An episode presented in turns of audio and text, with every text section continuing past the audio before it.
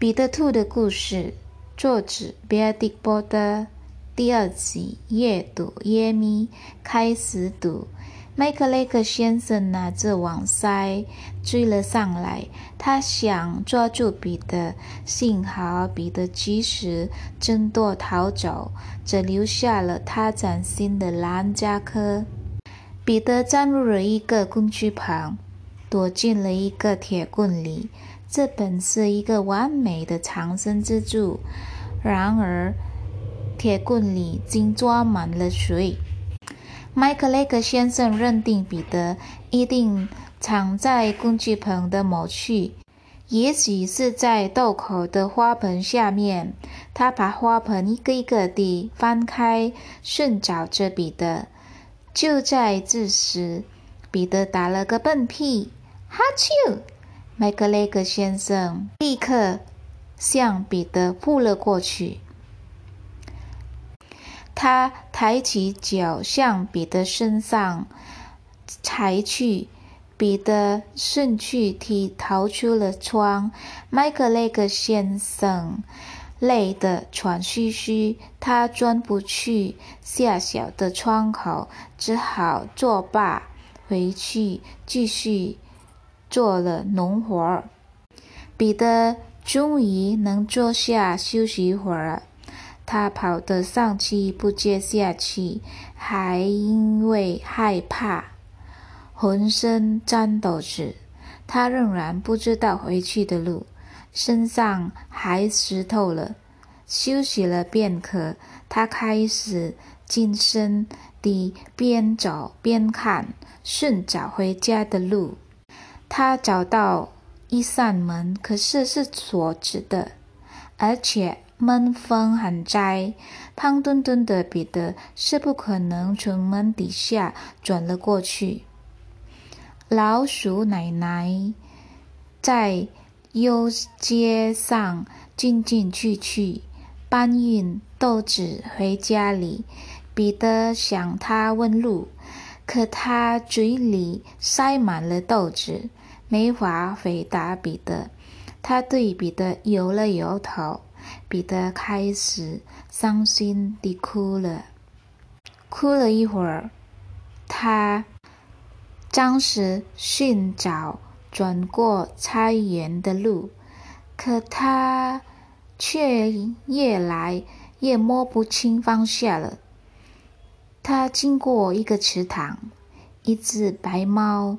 这一动一动不动地盯着水里的金鱼，白猫一声不发，住进回身地看着，只有尾巴偶尔晃动。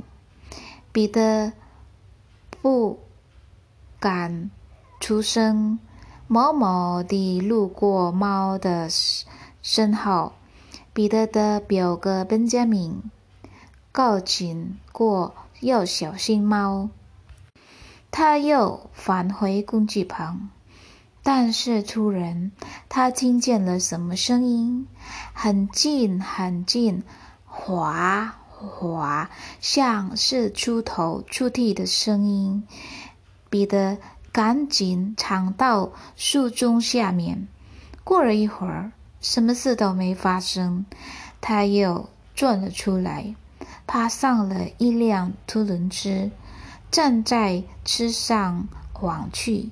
他看到了正在包洋窗的麦克雷格先生，他背的背对着彼得，而他不远外就是大门。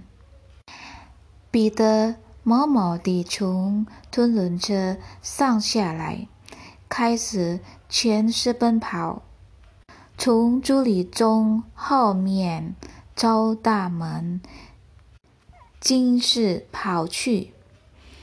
麦克雷格先生发现了逃跑的彼得，但是彼得真的顾不了这些了，他从大门下。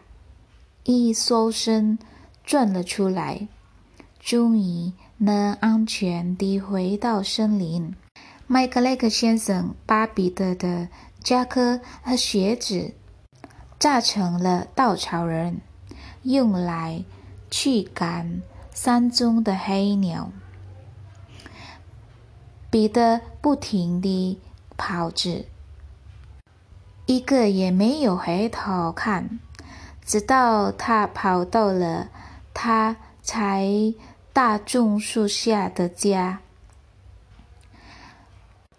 他累的一进门就躺在酸软的沙睡着了。兔妈妈正在忙着做饭。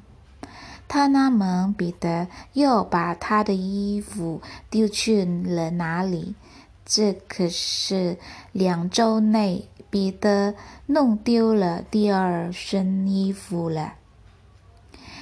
那天晚上，彼得非常受不了，兔妈妈抱着上床，为他泡了柑橘茶，倒了一些给他。睡前黑少，而砰砰跳跳一绵绵的晚餐是面包、牛奶和黑莓。